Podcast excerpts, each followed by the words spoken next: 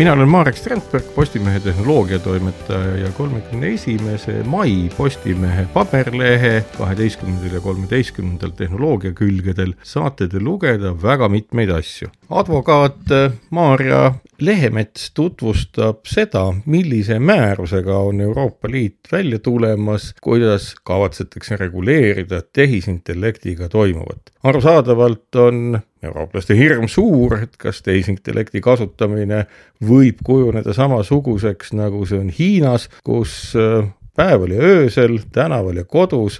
Kõikvõimalikud jälgimissüsteemid, olgu nad siis teie makseid või sotsiaalmeediakontosid või ka tänaval liikumisel kaamerad, kes teid kõik vaatavad, annavad teile punkte. Ja kui teil on karistuspunkte liiga palju, siis te jääte millestki ilma.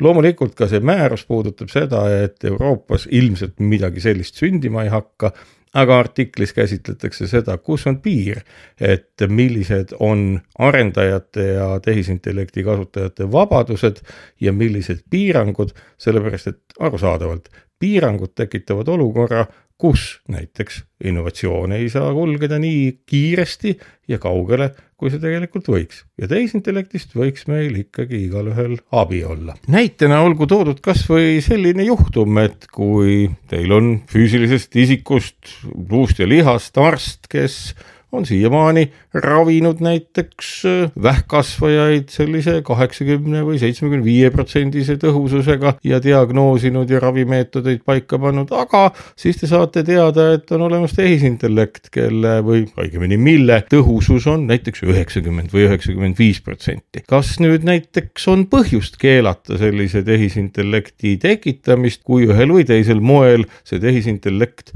noh, ütleme liiga sügavale teie privaatsussfääri tungib.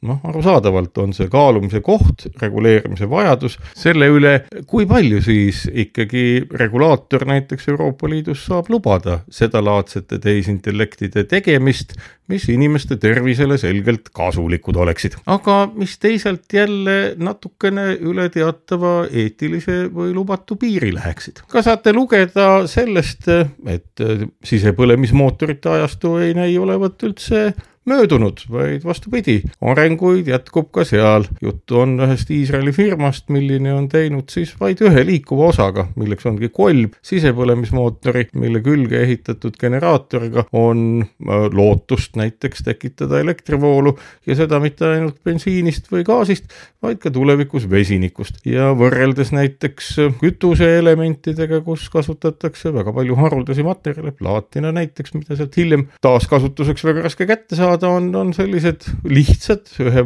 liikuva osaga sisepõlemismootorid, kuigi nende kasutegur veidi väiksem kui kütuseelementidel, siiski üheks lubavamaks tulevikulahenduseks ka elektriautode jaoks, kus siis kütuseks võib olla nii bensiin, gaas kui ka edaspidi vesinik.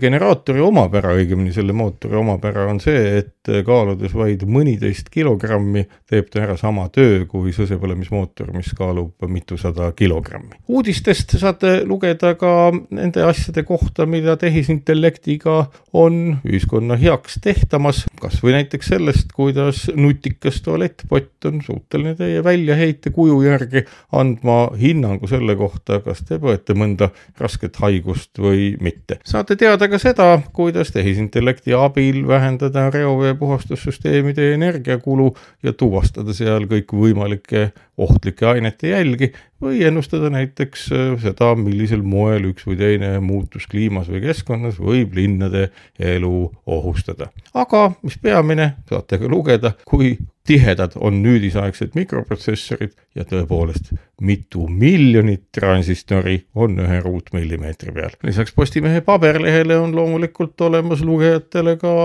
võrguküljed, kust saate teada nii seda, milline on tänase päeva arusaam universumist, kuidas läheb Marsil erinevate sõidukite eluolu ja lugeda palju muudki. olgu siinkohal öeldud, et alates järgmisest kuust ehk juunikuust on Postimehel kokkulepe New Scientistiga selles osas, et nende lugusid hakatakse tõlgituna avaldama ka Postimehe võrgu ja paberväljaanded. nii et head lugemist teile